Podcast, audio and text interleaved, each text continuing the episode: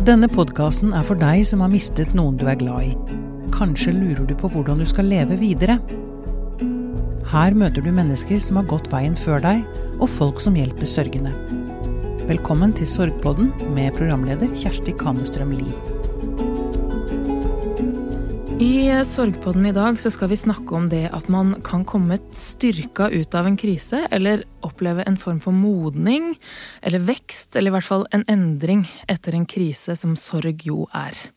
Og på fagspråket så kalles dette fenomenet posttraumatisk vekst.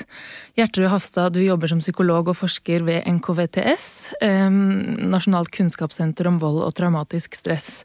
Og du har forska mye på dette fenomenet. Hva er det egentlig?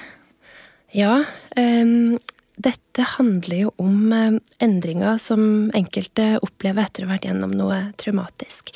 Uh, det vi har sett når vi har snakka med personer som har opplevd ja, ulike former for traumatiske hendelser, det kan være ulykker, katastrofer eller tap av nære, det er at mange forteller at um, synet de har på seg sjøl eller på verden eller på andre personer, har endra seg. Noen forteller at um, um, de føler at de har blitt sterkere som person. Um, at de har mer tro på seg sjøl, tør å stå opp mer for seg sjøl. ja, rett og slett føle seg sterkere, da. Mm. Uh, andre forteller at relasjonen deres til andre personer har uh, forandra seg. Blitt nærmere og dypere. De føler at de kan snakke mer om de viktige tingene. Um, at de har eh, ja, rett og slett et bedre forhold til eh, familie og venner. Mm. Hvorfor blir det sånn? Ja, hvorfor blir det sånn? Eh, det er jo kanskje det store spørsmålet her, da. Som vi kanskje ikke har kommet helt til bunns i, men det fins en del teorier som prøver å forklare hvorfor det blir sånn. Jeg tror jo at noe av det handler om det som skjer med en når en opplever at fotfestet blir revet bort, nærmest, under en. Som gjør at alt det du kjente før, uh, ikke er der lenger, eller at ting har blitt veldig annerledes. Uh, som gjør at du må på en måte tenke litt nytt og reorientere deg, og prøve å finne mening i den tilværelsen du har nå. Og i løpet av denne prosessen her så tenker jeg at du kanskje oppdager nye sider ved deg sjøl. At du kanskje klarer mer enn du trodde at du skulle klare. Mm. Eller at du ser eh, kvaliteter i andre personer. Eh, at du har fått mye hjelp, f.eks. Eh, og alt det her nye du ser eller oppdager hos deg sjøl eller andre, vil du oppleve som positivt. Mm. Så det tror jeg er én av tingene, i hvert fall. Mm. I 2011 eh, så opplevde du det ingen eh, foreldre bør oppleve, Jon Schultz, eh, da sønnen din tok sitt eget liv. Og posttraumatisk vekst, det er et begrep som du har et ambivalent forhold til. Vekst er kanskje ikke akkurat det man tenker på, først og fremst i en, en sånn situasjon som du var i? Nei, jeg, jeg, synes, jeg har ikke kjent til begrepet så veldig lenge. Men jeg er veldig enig med veldig mye av det som Gjertrud sier. Mm. Men det som, eh, det som jeg syns er vanskelig, det er jo altså begre, det er ordet, begrepene, vekst. fordi at for mange, for meg, så, så er jo vekst noe positivt. Mm. Altså Det er liksom planten som kommer opp på jorda, det er, det er, det er noe som blir større. Mm. Uh, og større og kanskje bedre, da. Mm. Og det syns jeg ble veldig, for meg veldig gærent. Uh, nesten litt sånn provoserende. Uh, som en merkelapp på, på det å, å, oppleve en livskrise. Mm. Uh, men nå snakker jeg jo veldig personlig. Altså det, det, jeg har full respekt for at andre kan oppleve Jeg føler at det begrepet treffer mer, da. Mm. Men, men, mitt utgangspunkt er jo en hendelse i livet som som jeg skulle gjort hva som helst for å være foruten. Mm. Og med det bakteppet så blir det, så blir det litt det, det, treffer liksom ikke. Altså det, det er, det er um, men, men, det er kanskje ikke begrepet som er det viktigste. Det viktigste er egentlig å snakke om hva er det Hva ligger liksom i, i fenomenet, hva ligger i reaksjoner? Hvordan takler man kriser? hvordan, Hvorfor blir livet Mm. Fordi det tror jeg det blir. Hvorfor blir livet annerledes mm. for veldig mange? Mm. Og, og det, der er jeg veldig enig med veldig mye det du sier. At jeg, jeg kjenner meg igjen i mye det du sier. Jeg har bare litt lyst til å gå, gå tilbake til 2011, mm. Jon. Det, det, er forferdelig eh, vondt også for meg å snakke om dette her. Eh, og har lyst til å lese et lite utdrag fra dagboka di fra juli det året, like etter at eh, Olaf eh, tok livet sitt. Hvis jeg klarer det. Livet raser sammen, lyder blir borte. Mennesker utydelige, farger blekner. Tusen tanker raser gjennom hodet. Hvorfor? Hva har skjedd? Hva skal det bli av oss nå? Hvordan skal de to andre klare å leve videre med at storebror, livsglade, kloke, morsomme, sterke storebror, ga opp livet og ikke orket å leve? Hvordan, eh, hvordan var eh, den tida like etter at, eh, at Olaf forsvant? Uh, jeg, jeg, tror uh, altså veldig mange, og det kjenner jeg meg igjen i, snakker om en sånn form for nummenhet. Og det er egentlig de ordene du også leste, at det der at uh, ting, farge, lyder, lukter blir borte. Mm. Um, altså, jeg følte på en måte at jeg gikk inn i en slags sånn koma sånn, uh, ku, ku, Heter det kuvøs? Eller altså en sånn, en sånn komalignende tilværelse hvor du men merkelig nok, så, så allikevel så opprettholdes livet. Så det, har du liksom Jeg ble sulten. Jeg ble liksom, hadde behov for å stå opp om morgenen. Og, så, så, det er noen sånne jeg, kroppsfunksjoner fungerer, fungerer, liksom. Til tross for at det er en sånn total nummenhet. Men jeg tror kanskje at den aller sterkeste følelsen var den følelsen av sånn veldig dyp redsel. Mm. Altså en, en, den der følelsen at uh, alt jeg hadde basert livet på, mm. det ble borte. Altså den, den følelsen at, at, hele grunnvollen i livet skalv. og, eller ikke bare skalv, men liksom det, det, var ikke noe Det var liksom ikke noe feste lenger. Um, så hele livet ble jo Jeg syns hele livet ble snudd på hodet, men, men, det, men jeg, vi visste da, der og da visste vi jo veldig lite om hvordan livet skulle bli. Mm. Så det var mer den totale en sånn hjelpeløshet og, og redsel og Liksom det, det sto, jeg følte liksom jeg sto på et slags stup og jeg ikke ante hva som var foran meg. Mm. Hvor lenge varte den følelsen? Jeg, jeg, jeg syns jo kanskje at den eh, Jeg, jeg syns det er litt vanskelig å si, for dels husker jeg litt dårlig hva som egentlig skjedde, men, men mm. Eh, jeg føler på en måte, når jeg tenker tilbake, at vi kom ganske fort ned på, på beina på en måte. Og, mm. og, og, og, fikk veldig fort en følelse av at Uh, og det tror jeg kona mi skal veldig mye æren for. At hun sa veldig tidlig at dette her skal vi klare. Mm. Så det kom en, sånn, en, en, en, tro veldig fort inn i livet at uh, dette er for jævlig, mm. men vi skal klare det. Så jeg tror vel den der, den, den bunnløse hjelpeløsheten, den tror jeg ble ganske fort borte. Mm. Og så kom det ja, så, så, men så har du liksom faser. Der, så har du begravelse og syning og, og mm. mye ferdige ting. Så. Men dere, dere, opplevde ganske fort å skjønne at eh, vi må faktisk gå, gå, livet videre, også uten han. Ja. Mm. ja. Gjertrud, hva tenker du om det Jon forteller? Um, ja, vi har jo snakka om dette før, Jon. Mm. Um, så jeg tenker at det, men jeg tenker at det du beskriver, høres også hvis jeg kan si det, ganske typisk ut. Mm. En, en, sånn typisk måte å reagere på etter noe så ekstremt som det dere mm. var igjennom. Mm.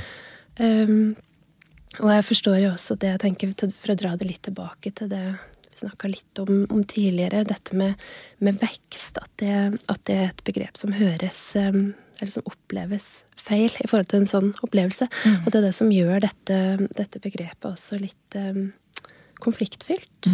Det gjør at uh, det høres ut som at ting er litt enklere enn de er. Mm.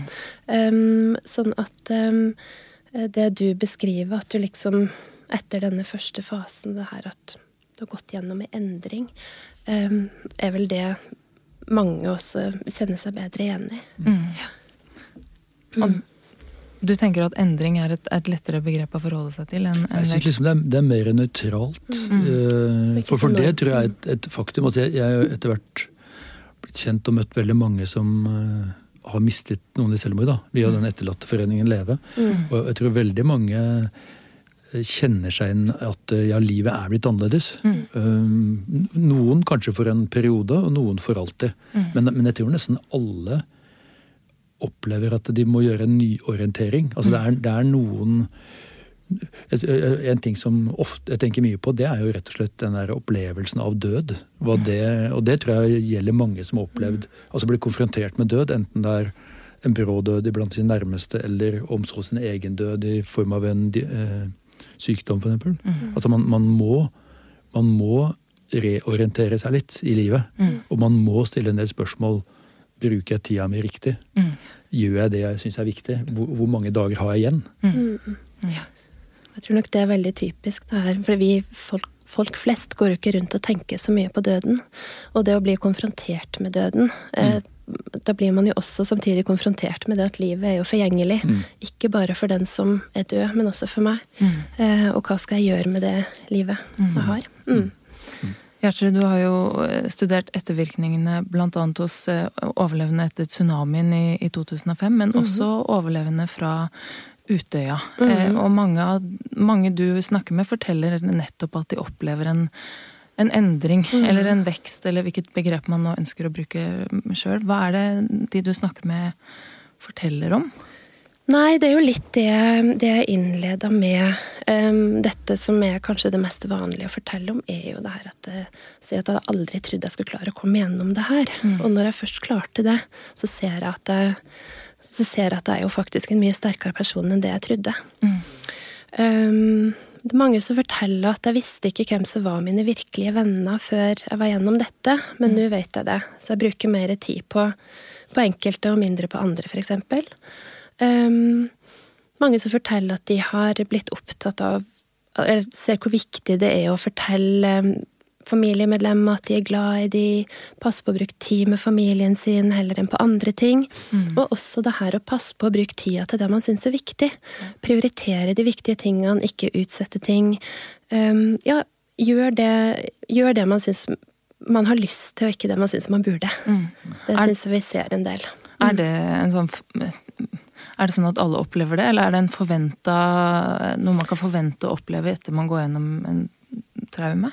Nei, jeg vil ikke si at uh, alle opplever det, mm. og heller ikke at man skal forvente det. Det fins veldig mange forskjellige måter å reagere på. Noen opplever ikke dette i det hele tatt, og syns det er eh, veldig ubehagelig og provoserende at noen antyder at, at dette er en måte man kanskje burde reagere på. Eh, for det er veldig, veldig forskjellig. Mm, hvor mange vi, er det som opplever det, da? Ja, vet du hva, det, det er et litt vanskelig spørsmål. Mm. Noen, noen, studier har prøvd å oppgi noe tall på hvor mange prosent som opplever denne type endring.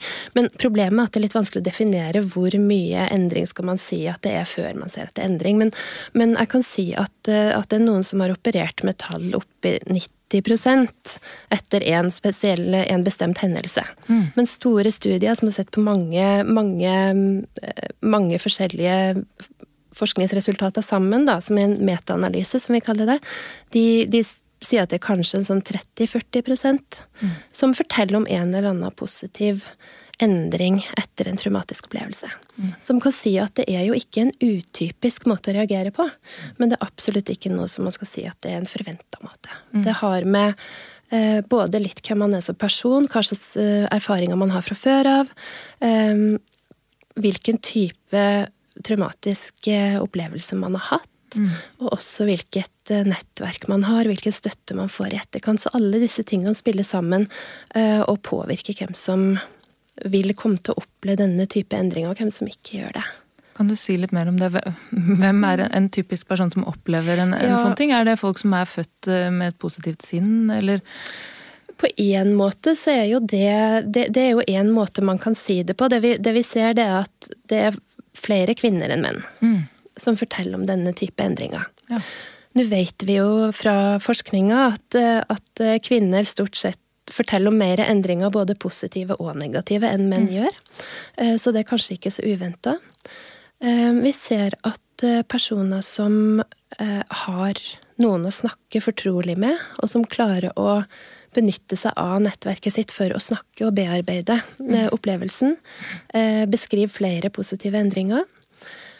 Og også det du var inne på, mm. personer som generelt sett har et mer optimistisk verdenssyn, da, skal si det sånn som et slags personlighetstrekk, vil ofte beskrive mer positive endringer etter en eh, traumatisk opplevelse. Mm. Det er jo kanskje ikke så eh, forbausende eller uventa, kanskje. Mm. Jon, kjenner, kjenner, du deg igjen eh, i, i, noen av disse karakteristikkene her? Jeg gjør det. Mm. Jeg, jeg, jeg, jeg, tenker på det med, med Altså, jeg, jeg, tror det det er, det er, noe med å For meg, da. Det er liksom noe med å, å innse at uh, det, det, er skjedd. Mm. Det er noe med å forholde seg til det du, du må forholde deg til. Mm. Uansett hva det er. Og jeg tror uh, det å akseptere den situasjonen som har rammet en, er for meg liksom første skrittet til å tenke at uh, sånn er det. Jeg kan, jeg kan synes det er så ille som mm. bare det, men det hjelper jo ikke. Og, og, og, det, og, det, andre tanken som jeg har tenkt, og som mange sier, det er liksom det at det som er helt sikkert, mm. det er at den døde ville ikke at de næres liv også skulle gå til grunne. Mm. Så liksom det, jeg tror nok noen opplever også at det Ikke at man skylder den døde noe, men, men at det er liksom det, det, er, det er ingen grunn det er mange grunner til å leve videre. Det er mm. mange grunner til å lete etter håp og glede og lykke og takknemlighet, mm. selv om han har vært gjennom en traume. Mm. Det, det, er liksom, det, er nesten bare gode grunner for det. Mm. Og det er veldig få gode grunner til å, å, legge seg ned og føle at livet er over. Mm. Er det noen sånne konkrete endringer som du tenker går an å trekke fram? Altså jeg tenkte litt på det som Hjerterud sa. Det er en ting som, eh, som eh, jeg har tenkt mye på. Det er dette med, med hva hva er viktig i livet? Mm. Um, og det er liksom helt sånn ned på basistingene. ikke sant? At, eh, at det er uh, ting som før betydde mye, betyr lite. Som mm. karriere, materielle mm. ting osv. Um, og så føler jeg at på det, på det personlige planet så er det det å uh, Altså jeg, jeg, bryr meg mye mindre om hva andre mennesker måtte, måtte mene om meg. Mm. Um, og det tror jeg det oppleves ganske positivt. Altså, jeg tror det er mange som mange sliter med selvbildet fordi vi føler oss av en eller annen grunn ikke bra nok. Mm. Uh, men når du liksom skreller bort hva er, det, hva er det som egentlig betyr noe her i livet, så føler jeg at det, det er en sånn opplevelse av at, at det er livet mitt her og nå. Mm. Det er liksom gleden her og nå, det er kaffekoppen, det er det å kunne stå opp om morgenen med begge beina på bakken. Mm. De liksom helt sånn basale tingene. Og Jeg har bare lyst til å oppsummere én ting som jeg hørte en, en, kar sa, eller en person sa. og Det var at uh, så, så, lenge du puster, så er det mer som er bra med deg enn dårlig med deg. Og det syns jeg er egentlig ganske godt sagt. altså at Uansett hvor mye du er rammet med, så er det liksom Puster du, så har du et ganske godt utgangspunkt for å få noe ut av dagen. Mm. En av de tingene som, som, er vanskelig for deg eh, nettopp med dette med, med veksten, da, er kanskje også noe med at uh, redselen for at andre skal tenke at dette har, har vært så greit. Ja. Eh, mm. Er det en stor forskjell på, på hvem du er utad blant folk eh, som du kanskje ikke kjenner så godt, og hvem du er når du er hjemme bak husets fire vegger? Ja, jeg, det, jeg, jeg vet ikke helt. Jeg, jeg tror vel veldig mange av mine nære og arbeidskolleger og folk jeg møter Hvis de blir spurt, så tror jeg det vil si at uh, dette har kommet seg greit gjennom. Ja. Det tror jeg det vil si. Mm. Ja. Um, og det, akkurat det du tar opp der, syns jeg er veldig viktig, fordi jeg opplever at uh, den, det var mye lettere å få liksom, Å vise sorgen mm. og tapet den første tiden. Mm. Uh, mer, fikk mer respons, og det var, var mer forståelse for det. Mm. Eh, for jeg tror er det én ting som omgivelsene undervurderer, så er det jo tiden. Mm. Altså det, det, er et eh, For meg så var det en milepæl når jeg skjønte at dette var ikke noe jeg skulle bli ferdig med. Mm. Så jeg tror det der at eh, Nå svarte jeg ikke helt på spørsmålet ditt, men, men jeg tror i hvert fall at ja, men, men det, det, det Tidsperspektivet er viktig. Mm. Men jeg, jeg, opplever at det er de tunge stundene og den følelsen liksom av av eh, dyp smerte, mm. den eh, er der periodisk fortsatt. Uten at eh, jeg viser det til, i noen særlig grad til mange.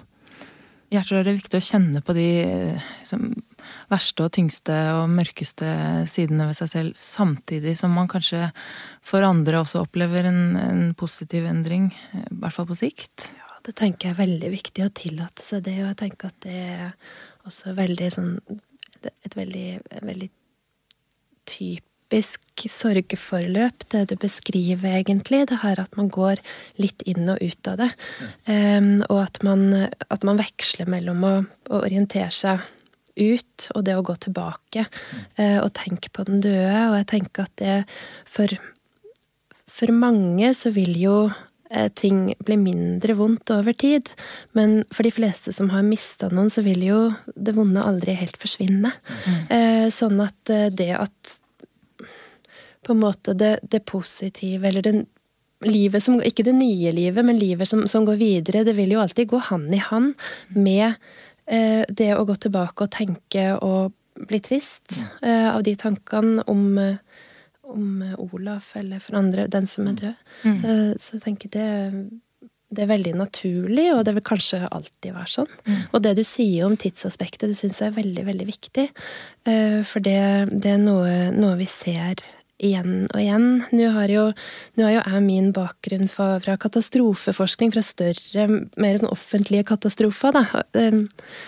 Um, og, og, vi ser det der også, på samme måte som det du nevner, at når det er gått et år, kanskje, så tenker man De, de rundt begynner å tenke at nå må det vel begynne å gå over, liksom. Nå, mm. er vi kanskje ferdig med det snart. Uh, og så er man ikke det. Um, så det kan jo oppleves som, som et svik og, og veldig vanskelig um, å oppleve at den støtten man har hatt i begynnelsen, forsvinner litt.